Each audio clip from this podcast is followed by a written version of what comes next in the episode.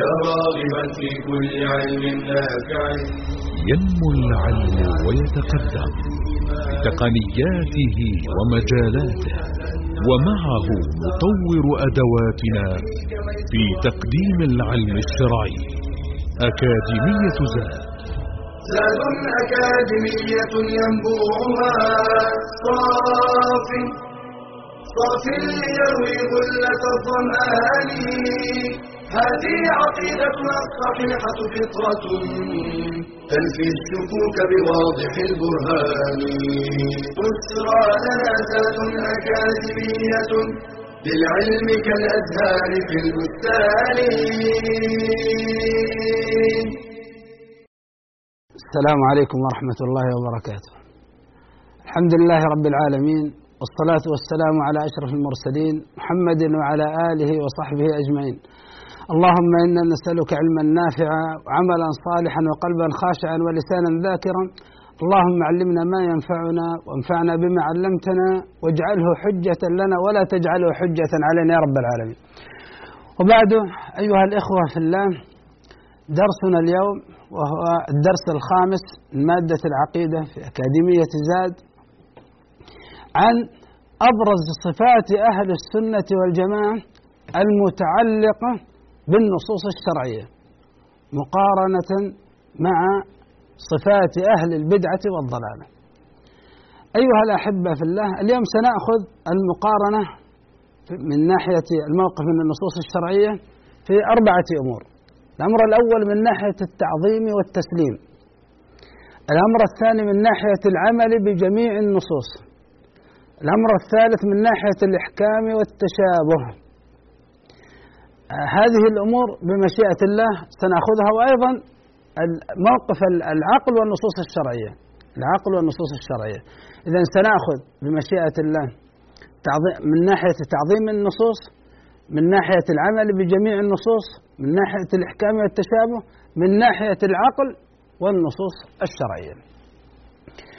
نبدأ بالتعظيم للنصوص الشرعية.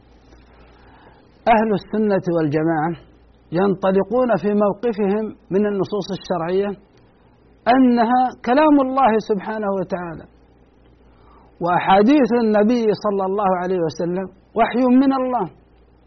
لذلك عندهم هذا الوحي كلام الله وكلام رسوله صلى الله عليه وسلم عظيم فيعظمون ذلك في نفوسهم. فإذا جاءهم الخبر عن الله وعن رسوله آمنوا وسلموا. إذا جاءهم الطلب عن الله وعن رسوله امتثلوا فلديهم التعظيم والتسليم للنصوص الشرعية. بخلاف أهل البدعة والضلالة عندهم ضعف في هذا الجانب. بل عندهم استهانة عياذا بالله بالنصوص الشرعية. بل قد يصل بهم الأمر إلى ردها وردها ردا صريحا. فإذا كان كانت النصوص الشرعية تتعلق بحديث آحاد ردوها. إذا كانت تخالف معتقداتهم ولا يعظمون النصوص الشرعية في أخذ العقيدة منها وهي لا تعتبر عندهم مصدر من مصادر تلقي العقيدة إنما يستأنس بها في أمور العقيدة وبعضهم يجعلها في أمور في الأمور المتعلقة باليوم الآخر أو ما يسمونه بالسمعيات. وهكذا عندهم بالنسبة للنصوص الشرعية عندهم للأسف الشديد الاستهانة بهذه النصوص الشرعية. فيردون ما استطاعوا رده إذا كان من حديث الآحاد. أما إذا كان قرآن أو كان متواترا وكان هذا الأمر مخالفا لما عندهم من الأصول التي بنوا عليها عقيدتهم فإنهم يتسلطون على النصوص الشرعية بالتحريف. ويسمون هذا التحريف تأويلا وهو في الحقيقة إلحاد في كلام الله وكلام رسوله صلى الله عليه وسلم. أيها الأحبة في الله كان سلفنا الصالح إذا سمعوا كلام الله وكلام رسوله صلى الله عليه وسلم في باب العقائد في باب الأخبار قالوا آمنا. جاءت أحاديث عن الإسراء عن المعراج. أن النبي صلى الله عليه وسلم أسري به من البلد الحرام إلى بيت المقدس من جوار الكعبة إلى بيت المقدس أسري به في ليلة واحدة. وفي نفس الليلة عرج به إلى السماء. لما أخبر المشركون بهذا الأمر استعظموه وكذبوا. فأخبروا أبا بكر الصديق رضي الله تعالى عنه فقال هو قد قال؟ قالوا نعم قال. قال صدق. فآمنت به. هكذا نحن أيها الأحبة في الله من تعظيمنا للنصوص الشرعية أن الأمور العقدية إذا حار حارت عقولنا فيها فإننا نعظم هذه النصوص ونسلم بما فيها. جاءتنا الأخبار تتعلق بما يكون في القبر وأن القبر يكون فيه إقعاد للإنسان في قبره ويكون فيه أسئلة وفيه المنكر وفيه النكير. ثم بعد ذلك يتحول القبر إلى روضة من رياض الجنة أو إلى حفرة من حفر النار. نحن عندنا نعظم هذه النصوص ونؤمن بما فيها ونعتقد اعتقادا جازما أن هذا الأمر حق وواقع. ما يكون في اليوم الآخر قصرك أيها المؤمن في اليوم الآخر مبدع على أن تكون من تحته أربعة أنهار. نهر من لبن ونهر من ماء ونهر من خمر ونهر من عسل. قصر عجيب. نؤمن بذلك نؤمن بأن الإنسان يخلد في اليوم الآخر خلودا فلا موت. يبقى شاب لا يكبر سنه. لا, لا تبلى ثيابه ولا يفنى شبابه ولا يصيبه المرض ولا ضجر ولا ملل. يتكئ اتكاءه سبعين سنة ولا يتأثر. يأكل أنواع المأكولات ما تشتهيه الأنفس وتلذ الأعين. يأكل ثم الإخراج. إنما هو جشاء ورشح كرشح المسك. نؤمن بذلك وتشتاق نفوسنا له. وهكذا أيها الأحبة ما يتعلق بالملائكة ما يتعلق بالكتب ما يتعلق بالرسل ما يتعلق بالقضاء والقدر. أهل السنة والجماعة يعظمون تلك النصوص الواردة في هذا الباب. وكذلك حتى في أمور الطلب لنا عقيدة فيها نؤمن بها ونمتثلها دون أن نعترض عليها. يا إخوان إذا وصل الأمر إلى هذه الدرجة انظر إلى درجة التنفيذ بعد ذلك فيها. هذا عثمان بن عفان رضي الله تعالى عنه. تأتيه قافلة موقرة بأنواع البضائع والحمولات في وقت تكون المدينة في أمس الحاجة لتلك البضائع. ثم يأتيه التجار من كل مكان وهو يقول هناك من أعطاني أكثر هناك من أعطاني أكثر. ثم قالوا له صاحوا به نحن تجار المدينة من هذا الذي أعطاك أكثر؟ قال الله ففرقها كلها في سبيل الله. هذا هو الإيمان يا إخوان. أحد الصحابة في يده بضعة تمرات ثم يسمع النبي صلى الله عليه وسلم يرغف في الجنة. فقال يا رسول الله ليس بيني وبين الجنة إلا أن آكل هذه التمرات؟ قال النبي صلى الله عليه وسلم نعم. قال بخ بخ. فقيل له يعني لماذا تبخبخ؟ بخ بخ. قال إذا كان ما بيني وبين الجنة إلا أن آكل هذه التمرات إنها لحياة طويلة. ثم ألقى بتلك التمرات وقذف بنفسه في أرض المعركة. إيمان يا إخوان إيمان. هذا هو الإيمان الذي نتحدث عنه.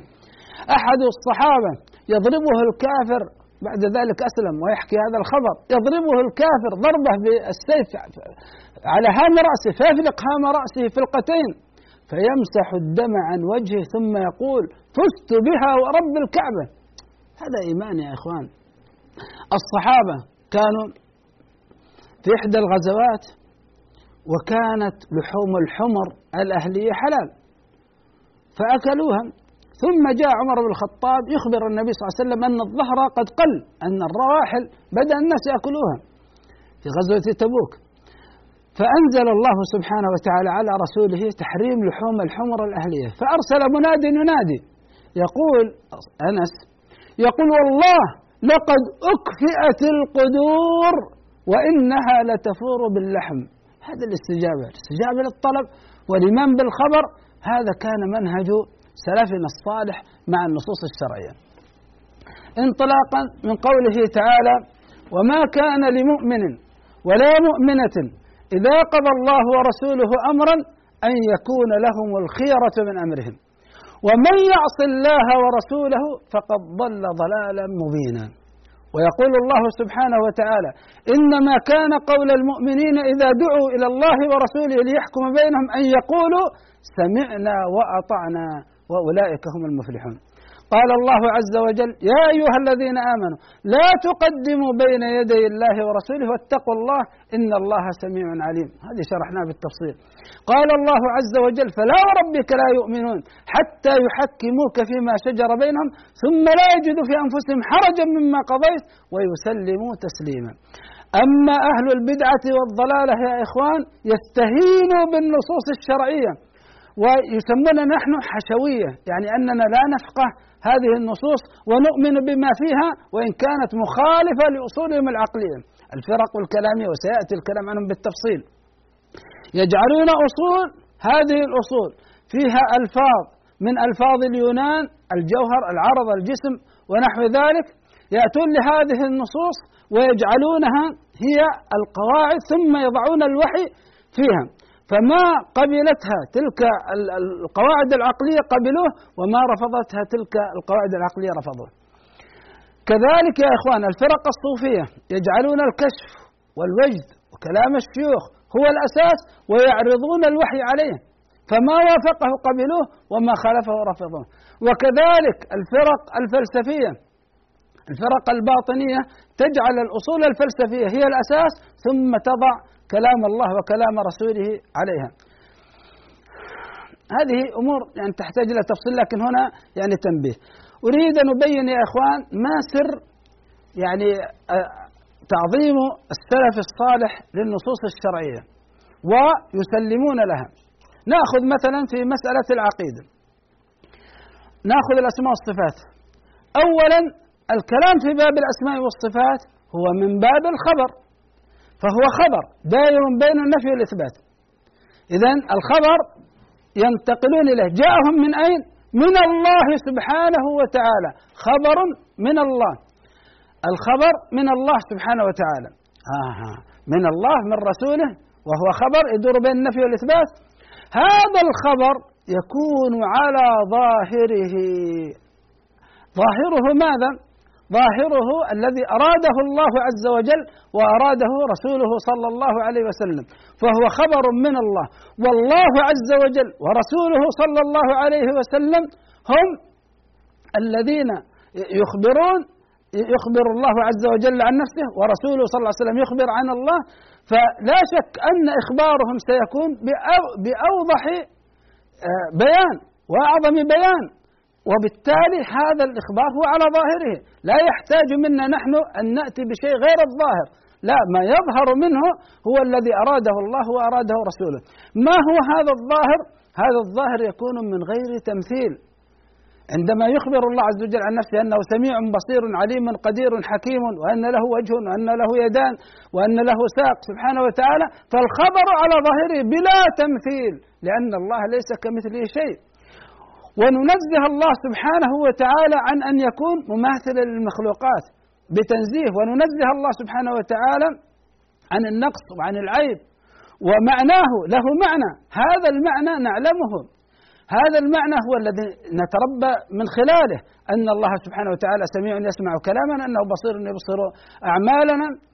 ونعلم أن كثير من هذا الخبر الذي جاء عن الله وعن رسوله صلى الله عليه وسلم أن العقل يدل عليه كذلك. لذلك هذا هو طريقتنا مع النصوص. النصوص الشرعية في أمور العقيدة خبر من الله فنحن نعظم ذلك ونسلم به ونعلم أن هذا الخبر من الله على ظاهره لكن ظاهره لائق بالله جل جلاله بلا تمثيل. وننزه الله سبحانه وتعالى عن النقص وعن العيب ونعلم معاني هذه الأسماء والصفات ونتربى من خلالها ونعلم أن كثيرا مما ورد في القرآن والسنة من صفات الله سبحانه وتعالى يمكن إثباتها بالعقل أيضا.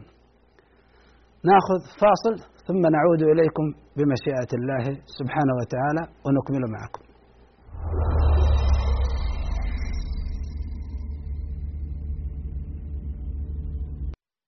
أول قناة تعليمية شرعية في مجال التعليم الشرعي عن بعد. تبث على القمر الأوروبي. هوت بيرد بطريقة مؤصلة ميسرة تفاعلية. قناة زاد العلمية. وتقدم لمشاهديها أكاديمية زاد للعلوم الشرعية. وتهدف إلى تقريب العلم الشرعي للراغبين فيه عن طريق شبكة الإنترنت. وعن طريق قناة تلفزيونية فضائية. قناة زاد العلمية. تأتيكم عبر الترددات التالية. الوطن العربي عبر نايل سات. القارة الأوروبية عبر قمر الهوت بيرد قناة زاد العلمية.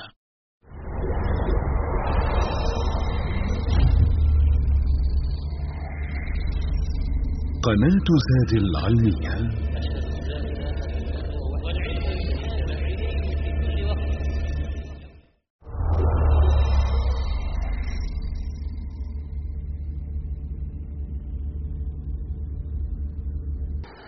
حياكم الله أيها الأحبة في الله. وعدنا إليكم بعد هذا الفاصل. آه، وقفنا في اللقاء ما قبل الفاصل أن السلف الصالح يعظمون النصوص ويسلمون لها فيؤمنون بما فيها من أخبار ويمتثلون لما فيها من طلب. وأما أهل البدعة والضلالة فإنهم يستهينون بالنصوص الشرعية. ننتقل إلى أمر ثاني يتعلق بالنصوص الشرعية. أن أهل السنة والجماعة يعملون بجميع النصوص الشرعية فيجمعون بينها يجمعون بين النصوص الشرعية. مثال النصوص التي جاءت في الوعيد يعملون بها والنصوص التي جاءت في الوعد يعملون بها. نصوص الوعيد بمعنى أن الله سبحانه وتعالى توعد أصحاب الكبائر بالنار فيعملون بذلك. ونصوص الوعد أن الله وعد من أتى بالتوحيد أنه يغفر له ما دون الشرك يغفر له تلك الكبائر هذا نصوص الوعد. فيعملون بنصوص الوعيد ويعملون بنصوص الوعد. وأن أصحاب الكبائر متوعدون بالنار ويوم القيامة يكونون تحت مشيئة الله. إن شاء عفى عنهم هذا نصوص الوعد. وإن شاء عذبهم هذا نصوص الوعيد. لكنهم لا يخلدون في النار لأن الله عز وجل قد وعدهم بالجنة. لكنهم ليسوا محرمين على النار بل قد يعذبون بحسب كبائرهم في نار جهنم. فعملوا بالنصوص جميعا بنصوص الوعد ونصوص الوعيد. أما أهل البدعة والضلالة لا. يعملون ببعض النصوص فيعملون بنصوص الوعيد كالخوارج المعتزلة. أو يعملون بنصوص الوعد كالمرجئة. المرجئة تعمل بنصوص الوعد وتهمل نصوص الوعيد. والخوارج والمعتزلة تعمل بنصوص الوعيد وتهمل نصوص الوعد. أهل السنة والجماعة يعملون بجميع النصوص مثلا النصوص الواردة في القضاء والقدر. هناك نصوص تثبت أن للعبد مشيئة واختيار وهناك نصوص تثبت أن كل ما يكون في هذا الكون بمشيئة الله سبحانه وتعالى وبإرادة الله فأهل السنة والجماعة يعملون بالأمرين وأن الله عز وجل قد جعل العبد مشيئة واختيار وقدرة وأن أفعال العبد مؤثرة لكن كل ذلك تحت مشيئة الله سبحانه وتعالى وبإذنه وقدرته وما تشاءون إلا أن يشاء الله. إذا للعبد مشيئة لكن مشيئة العبد تحت مشيئة الله سبحانه وتعالى. يعملون بالنصوص التي تدل على أن للعبد قدرة وإرادة واختيار ويعملون بالنصوص التي تدل على أن كل ذلك بإرادة الله وبمشيئة الله وقدرته سبحانه وتعالى. أما القدرية فيعملون بالنصوص التي تدل على أن للعبد قدرة وإرادة واختيار. ويغلبون تلك النصوص على النصوص التي أن قدرة العبد تحت مشيئة الله. وبالتالي يقولون أن لأن العبد يشاء أعماله الشر وأن الله سبحانه وتعالى لا قدرة له على تلك الأعمال. فعظموا قدرة العبد وعظموا الشرع لكنهم قصروا في قدرة الله وأخرجوا بعض الأعمال من أن تكون تحت إرادة الله سبحانه وتعالى وتحت مشيئته. كذلك الجبرية عملوا بالنصوص التي تدل على قدرة الله جل جلاله وعلى إرادته حتى أضعفوا قضية أن للعبد قدرة وإرادة واختيار. وقال العبد لا قدرة له ولا إرادة. حتى قال بعضهم العبد كالريشة في محب الريح. انظروا يا إخوان عندما يعمل الإنسان ببعض النصوص ويهمل البعض الآخر هذا التفريق للنصوص الشرعية سبب للانحراف والضلال.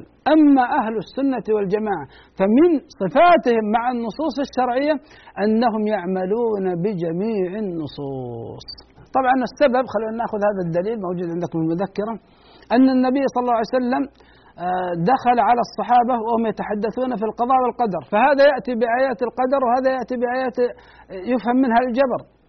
وهذا يأتي بآيات يفهم منها أن الإنسان قدرة على عبده على أفعاله.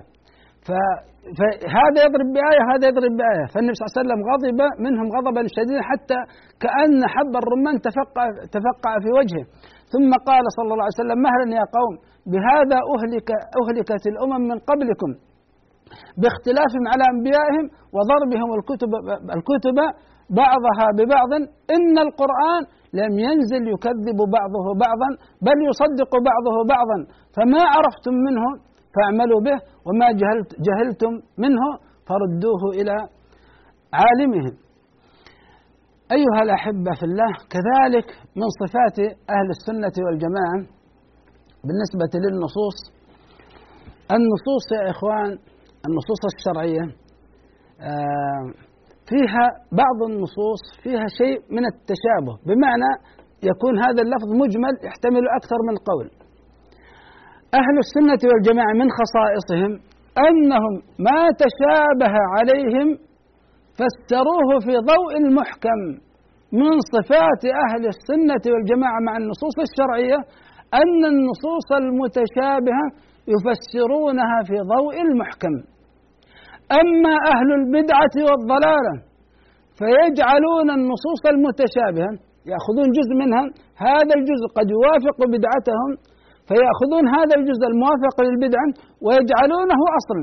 ثم يأتون للنصوص الشرعية المحكمة في الكتاب والسنة نصوص محكمة واضحة بينة فصل في الموضوع. ثم يفسرون المحكم في ضوء ذلك المتشابه الموافق لأصولهم. ناخذ مثال. مثال الله سبحانه وتعالى أخبر أن الجنة يدخلها الإنسان بعمله وتلك الجنة التي أورثتموها بما كنتم تعملون. والعمل إذا أطلق يدخل فيه العمل القلبي وهو الإيمان ويدخل فيه عمل الجوارح. فالإنسان يدخل الجنة بالقول والعمل وأن الإيمان قول وعمل. هذا الأمر محكم محكم عندنا. وعمل الجوارح ركن من أركان حقيقة الإيمان الذي يستحق به الإنسان دخول الجنان. هذا الأمر محكم. يأتي إنسان فيجد نص متشابه. هذا النص قد يكون شاذا. مثال في حديث الجهنمين هناك لفظة شاذة وهي أنه يخرج من النار أناس لم يعملوا خيرا قط. أهل السنة والجماعة هذا النص المتشابه. إذا تجاوزنا القول بأنه نص شاذ أهل السنة والجماعة يفسرونه في ضوء المحكم. المحكم أنه لا بد من العمل لدخول الجنة هذا أمر محكم.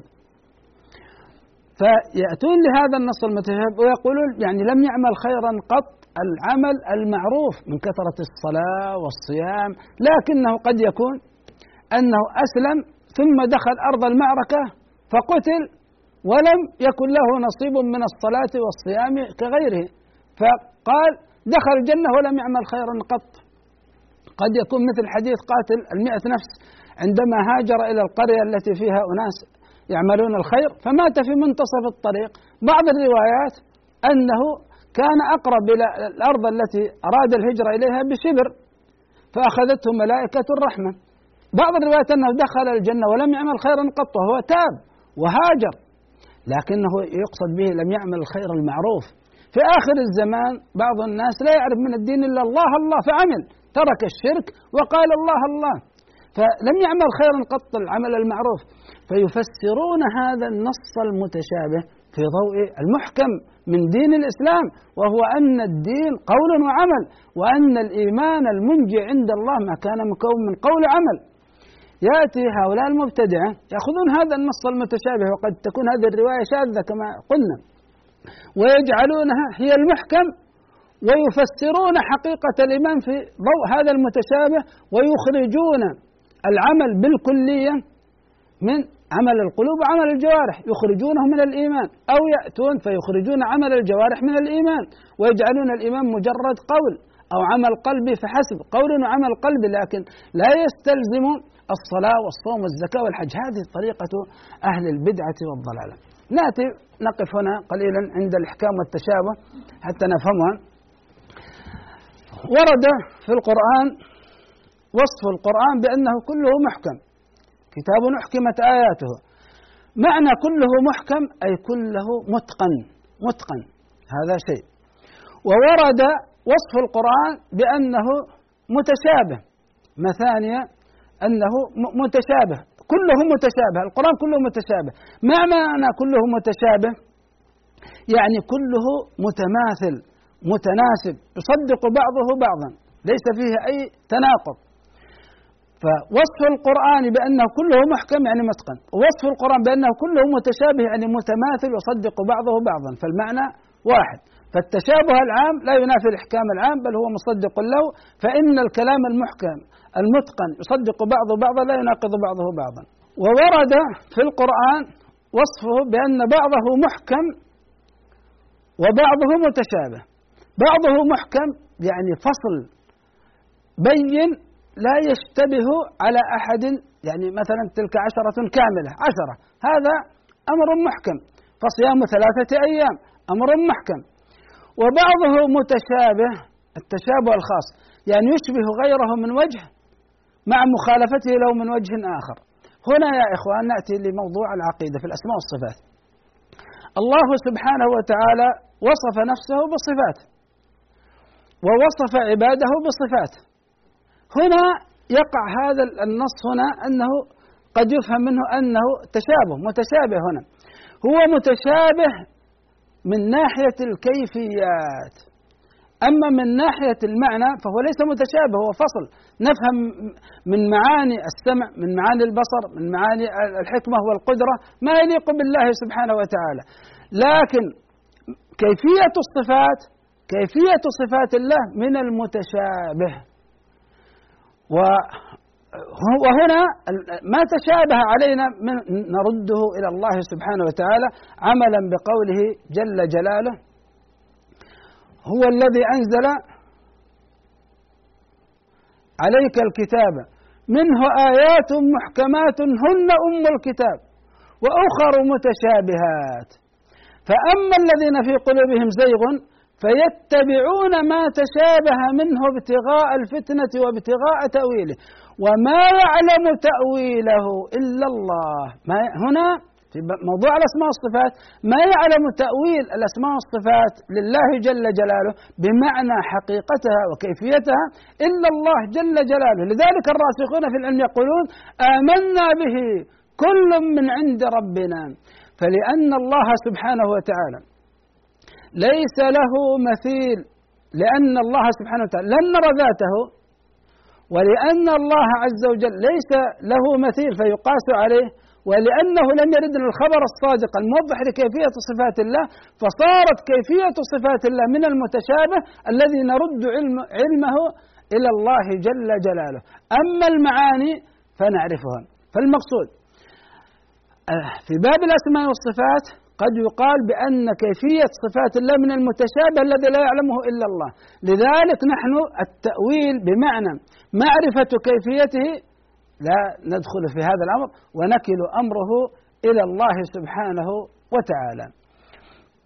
من أراد أن يبحث ويريد أن يعرف معاني كيفية صفات الله فهذا يدخل في المتشابه. أو يريد أن يحرج الآخرين فيقول كيف هذه الصفة من أجل أن يوقعهم إما في التفويض أو يوقعهم في التعطيل؟ هذا كذلك من أهل البدع. فأهل البدع أيها الأحبة يتتبعون المتشابه ويجعلونه محكم ويفسرون المحكم في ضوء المتشابه. أما أهل السنة والجماعة ما تشابه عليهم فسروه في ضوء المحكم. المحكم عندنا في موضوع الأسماء والصفات أن الله ليس كمثله شيء ليس كمثله شيء وهو السميع البصير. إذا نحن نثبت السمع والبصر، لكن ما كيفية سمع الله، ما كيفية بصر الله ليس كمثله شيء، فنفوض الكيفية إلى الله مع معرفتنا للمعاني. نلخص ونختم في وندع فاصل، المحكم في باب الأسماء والصفات المحكم هو أن الله ليس كمثله شيء. المتشابه كيفية صفات الله سبحانه وتعالى كيفية سمعه كيفية بصره كيفية يده كيفية وجهه هذه نكلها إلى الله مع اعتقادنا بأن الله عز وجل ليس كمثل شيء هذا هو المحكم. فلا نقع كالممثلة ولا نقع في المفوضة في طريق المفوضة ولا نقع في طريق التعطيل بل نفسر هذه المتشابهات في ضوء المحكم وهذا منهج أهل السنة والجماعة. فاصل قصير ونعود إليكم بمشيئة الله.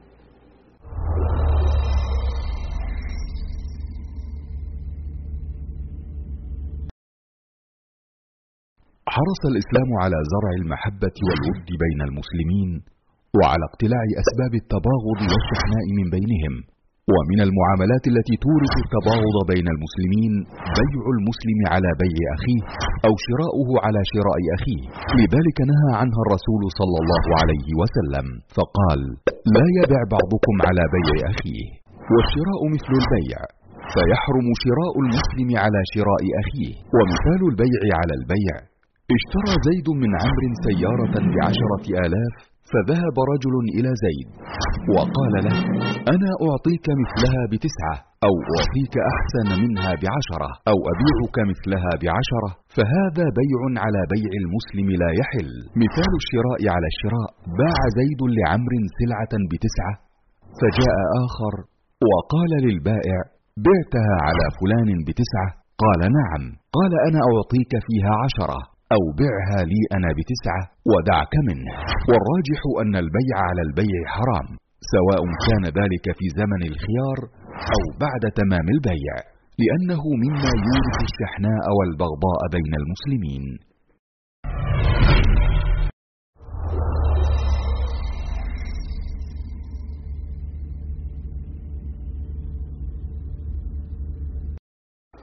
حياكم الله أيها الأحبة في الله وعدنا إليكم بعد الفاصل.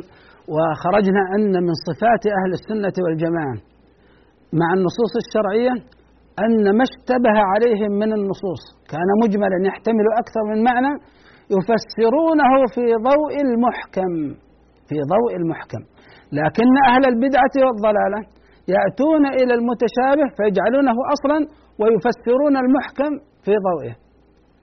مثال مثلا عند الصوفية المحكم عندنا في ديننا أن العبادة نتوجه بها إلى الله سبحانه وتعالى.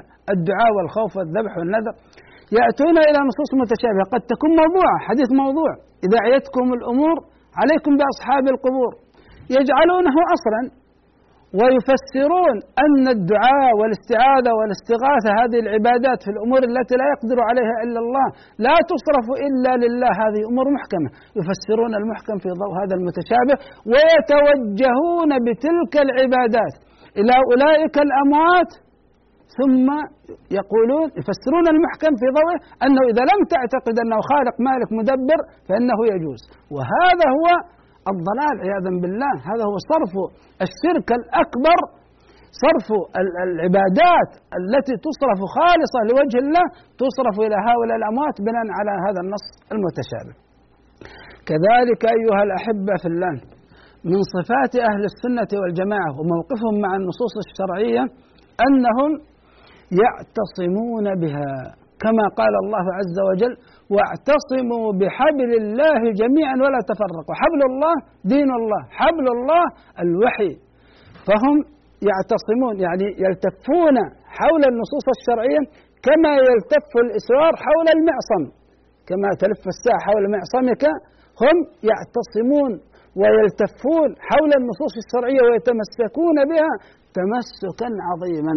والنبي صلى الله عليه وسلم قد وصانا بهذا وبين أن الله سبحانه وتعالى يرضى عنا إذا نحن اعتصمنا بحبل الله جميعا ولا تفرقوا لم نفرق هذا هذه الكتاب هذا الكتاب وهذه السنة. ولا تفرقوا واعتصموا بحبل الله جميعا ولا تفرقوا. والنبي صلى الله عليه وسلم أيضا وصى بهذا هذا نص في القرآن. فماذا يصنع أهل السنة والجماعة؟ يتمسكون بالكتاب والسنة.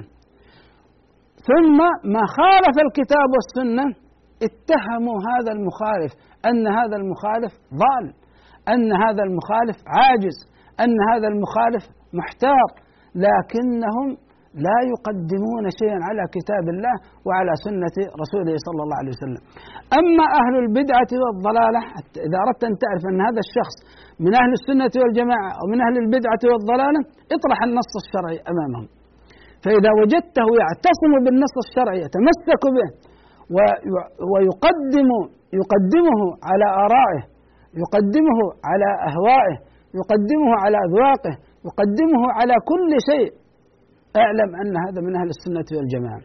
وإذا رأيت الشخص تطرح له قال الله قال رسوله ثم هو مباشرة يقدم رأيه وهواه ويقول يجب أن نفسر النص الشرعي موافقا للرأي وللهوى اعلم أنه من أهل البدعة والضلالة.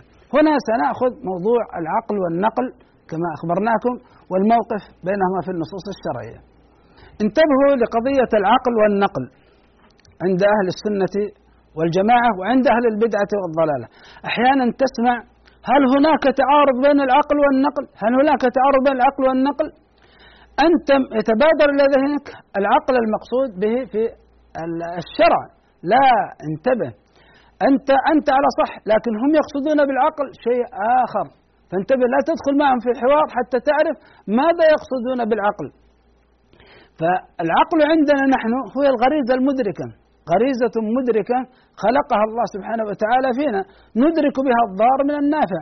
بمجرد أن يبدأ عند الطفل هذه الغريزة تنمو يعرف أن هذا الأمر حار أن هذا الأمر بارد أن هذه تمرة أن هذه جمرة. هذا نقول بدأ يميز هذا أصبح مميز يميز بين الجمرة والتمرة. هذه غريزة هذا العقل.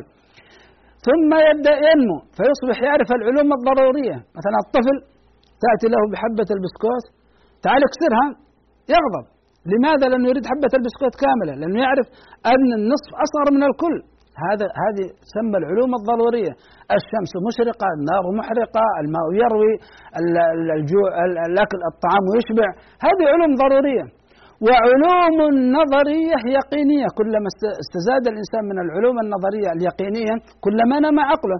وكذلك العمل بمقتضى العلم. هذا يسمى عقل عندنا. هذا العقل والنقل عندنا هو الوحي الإلهي كتاب الله وسنة رسوله. والسنة جميعها عندنا ما صح عن النبي صلى الله عليه وسلم كله سواء سواء كان متواترا أم أحادا هذا يسمى عندنا النقل. لكن انتبهوا يا إخوان لهذه القضية الخطيرة أن العقل عند أهل البدعة والضلالة كل يفسره بمقتضى الأشياء التي يؤمن بها. فالعقل عند الفرق الكلامية ماذا يقصدون به؟ العقل هو الأصول والقواعد التي في علم الكلام. التي هي في علم الكلام وليس العقل الذي عندنا نحن الذي يعرفه الإنسان الذي ذكرناه. لا العقل عندهم كالتالي. هذه الطاولة جوهر جوهر. وهذا اللون عرض. هذه مثلا نظارة جوهر. الآن دفيت النظارة تحركت هذه الحركة عرض. ثم تسكن هذا السكون عرض. هذا العالم مكون من جوهر وأعراض. وأن الأعراض حادثة لأن العرض لا يبقى زمانين. وأن الجوهر لا تخلو من الأعراض إذا الجواهر حادثة. فلما كانت الجواهر حادثة والأعراض حادثة والعالم كله مكون من جوهر وأعراض إذا العالم حادث. وكل حادث لا بد له من محدث. إذا العالم لا بد له من محدث. هذا المحدث لا يمكن أن يكون كالعالم لا يمكن أن يكون جوهر وعرض. الجوهر إذا تكون من جوهرين سمي جسم. إذا هذا الخالق لا ليس بجسم ليس بجوهر ليس بعرض لا تحل به الحوادث. هذا الكلام يسمونه عقل. انتبهوا. هذا الكلام وهو مصطلحات يونانية وأغلب هذه المصطلحات اليونانية مجملة تحتمل حقا وباطلا يسمون هذا هو العقل. وبالتالي ماذا يصنعون؟ يأتون بالنصوص الشرعية ويضعونها فيها. فمثلا الذين يقولون أن الله لا تقوم به الصفات الفعلية كفرقة الكلابية الأشعرية الماتريدية يقول الله لا تقوم به الصفات الفعلية. فأي صفة فعلية وصف الله عز وجل بها نفسه عرضوها في علم الكلام؟ قالوا هذا هذا العقل. فالله لا تقوم به الحوادث والصفات الفعلية حادث أحاد وحادث. إذا الله لا تقوم بالصفات الفعلية فيقومون بتأويلها. إذا كانت هذه الأحاديث آحاد ردوها. إذا كان من القرآن أو من السنة المتواترة أولوها أو فوضوها. وقالوا هذا هو المنهج الصحيح وهذا خطأ. هذا ليس اعتصام بالكتاب والسنة. ثم بالنسبة لإمكانية التعارض. هل أهل السنة والجماعة يمكن أن يتعارض العقل والنقل عندهم؟ العقل الغريزة المدركة التي أعطانا الله سبحانه وتعالى إياها. والوحي من الله. والله أمرنا أن نعمل عقولنا في الوحي. نتأمله نتدبره فكيف يكلفنا الله سبحانه وتعالى بتدبر ما لا يقبله العقل؟ هذا مستحيل. وبالتالي عندنا نحن أهل السنة والجماعة لا يمكن أن يكون هناك تعارض البتة بين العقل وبين النقل لأن كلاهما من عند الله عز وجل. والله أمرنا أن نعمل عقولنا في هذه النصوص الشرعية فهما وتدبرا وحفظا. وبالتالي هذه الأمور كلها يعقلها الإنسان. أما عند المتكلمين لا يمكن التعارض وهو واقع عندهم مثل ما قدمنا. طيب ما الحل؟ عند أهل السنة والجماعة إذا كان هناك توهم تعارض توهم تعارض ماذا يصنع أهل السنة والجماعة؟ يعتصمون بهذا الوحي الإلهي فيتمسكون به ويتهمون عقولهم يتهمون آراءهم ويقولون هي التي لم ترقى إلى فهم كلام الله وكلام رسوله. فيقولون يجب الإيمان به وإن لم يفهم الإنسان معناه لأنه كلام الله. ويقولون قد يأتي في الشرع ما تحار فيه العقول. ما تحار فيه العقول لكن لا تحيله العقول. يقولون قد يكون في شرعنا في ديننا ما يحار فيه العقل مثل ما يكون في القبر. لأن أمور القبر من أمور اليوم الآخر. فهي ليست من جنس أمور الدنيا وبالتالي قد يحار العقل في كيفية ما يكون في القبر قد يحار العقل في كيفية ما يتعلق بصفات الله قد يحار العقل فيما يتعلق بكيفية خلق الملائكة. فهذه الأمور نحن نؤمن بها ونسلم بها لكننا نعلم يقينا أن هذه الأمور مقبولة عقلا لكن العقل يحار فيها. فنحن نرى أن يكون يوجد يعني شخصان ينامان بجوار بعضهما البعض. أحدهما يعيش في أحلام سعيدة كأنه في جنة والآخر يعيش في عذاب كأنه في, في نار عياذا بالله. ثم هذا يفرح أنه استيقظ من نومه وهذا يغضب أنه استيقظ من نومه لأن هذا كان في لذة وهذا كان في ألم. فالأمر عقلا ممكن. لكن الكيفية نحار فيها لكونها من جنس كيفيات اليوم الآخر وليس من جنس كيفيات الدنيا. وهكذا ما يتعلق بصفات الله سبحانه وتعالى. فنحن عند التعارض نقدم الوحي عند توهم التعارض نقدم الوحي على الآراء. ولا نقول على العقل إنما على الآراء وعلى الأهواء وهكذا. أما المتكلمون فيقدمون عقولهم. ونقصد بالعقل هنا يقدمون القواعد التي في علم الكلام على الوحي الإلهي والله يا إخوان أني أعجب أعجب أشد العجب من أناس يعتبروا في الذكاء وصلوا يعني درجة عالية درجة عالية طريقتهم يا إخوان كالتالي فيها فيها شيء من يعني للأسف الإنسان يحزن من ناحية لكنه أمر مضحك. لو جاءنا شخص ودل على طبيب استشاري عظيم. وذهبت أنا مثلا للاستشاري هذا استشاري في طب الأسنان. فذهبت إليه فكتب لي وصفه وقال لا أستطيع أن أعمل لك شيء حتى تأخذ هذا المضاد لمدة أسبوع ثم تعود إليه. وكتب لي ثلاثة أنواع من الأدوية. فعدت إلى صاحبي الذي دلني على الاستشاري. فقرأ في الوصفة فقال هذه تأخذها وهذه لا تأخذها وهذه تأخذها. فقلت له لماذا؟ الطبيب قال خذ الثلاثة. أنت تقول أخذ الاثنين أسمع كلام من؟ فقال لي لو سمعت كلام الطبيب وقدمت كلام الطبيب على كلامي طعنت فيه. وإذا طعنت فيه فقد طعنت في الطبيب. هذا أمر مضحك يا إخوان. بالله هذا الكلام منطقي؟ أو أركب مع صاحب تاكسي أقول له أعطيني المفتي أريد أن أصل إلى المفتي لا أعرف مكانه لا أعرف مكتبه. فذهب بصاحب التاكسي إلى مكتب المفتي. فعندما وصلت للمفتي أردت أن أستفتيه في مسألة من المسائل. ثم عدت إلى صاحب التاكسي وقلت له المفتي قال لي حرام. قال لا ليس حرام. ليست ليس الحكم حراما. قلت له أنت صاحب التاكسي الآن؟ يعني ما علاقتك؟ قال أنا الذي دللتك على مكتب المفتي وأخبرتك أن هذا هو المفتي.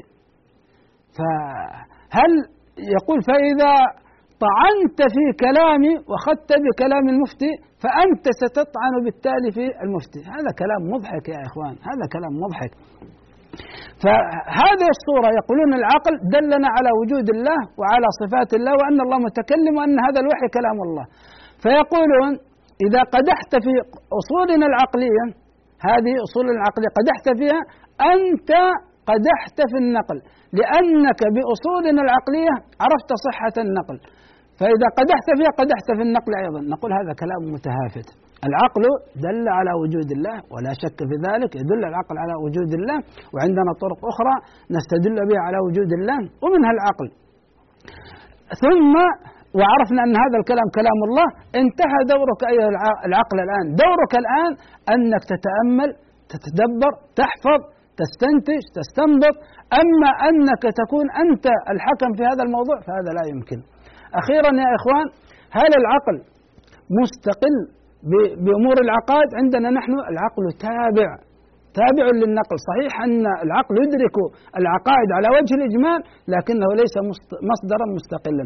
أما عند أهل البدع والضلالة عندهم أن العقل مستقل ومصدر لمعرفة العقائد ومقدم على النقل في ذلك. نستودعكم الله. إلى حلقة أخرى ولا تنسوا كالعادة في نهاية كل أسبوع أن يدخل الإنسان إلى ملفه في الموقع ويجيب عن سؤال هذا الأسبوع. وصلى الله وسلم وبارك على عبده ورسوله محمد وجزاكم الله خيرا. يا راغبا في كل علم نافع متطلعا لزيادة الإيمان وتريد سهلا النوال ميسرا. يأتيك ميسورا بأي مكان. زاد زاد أكاديمية ينبوعها. صاف صاف ليروي غلة الظمآن. هذه عقيدتنا الصحيحة فطرة. تنفي الشكوك بواضح البرهان. بشرى لنا زاد أكاديمية للعلم كالأزهار في البستان.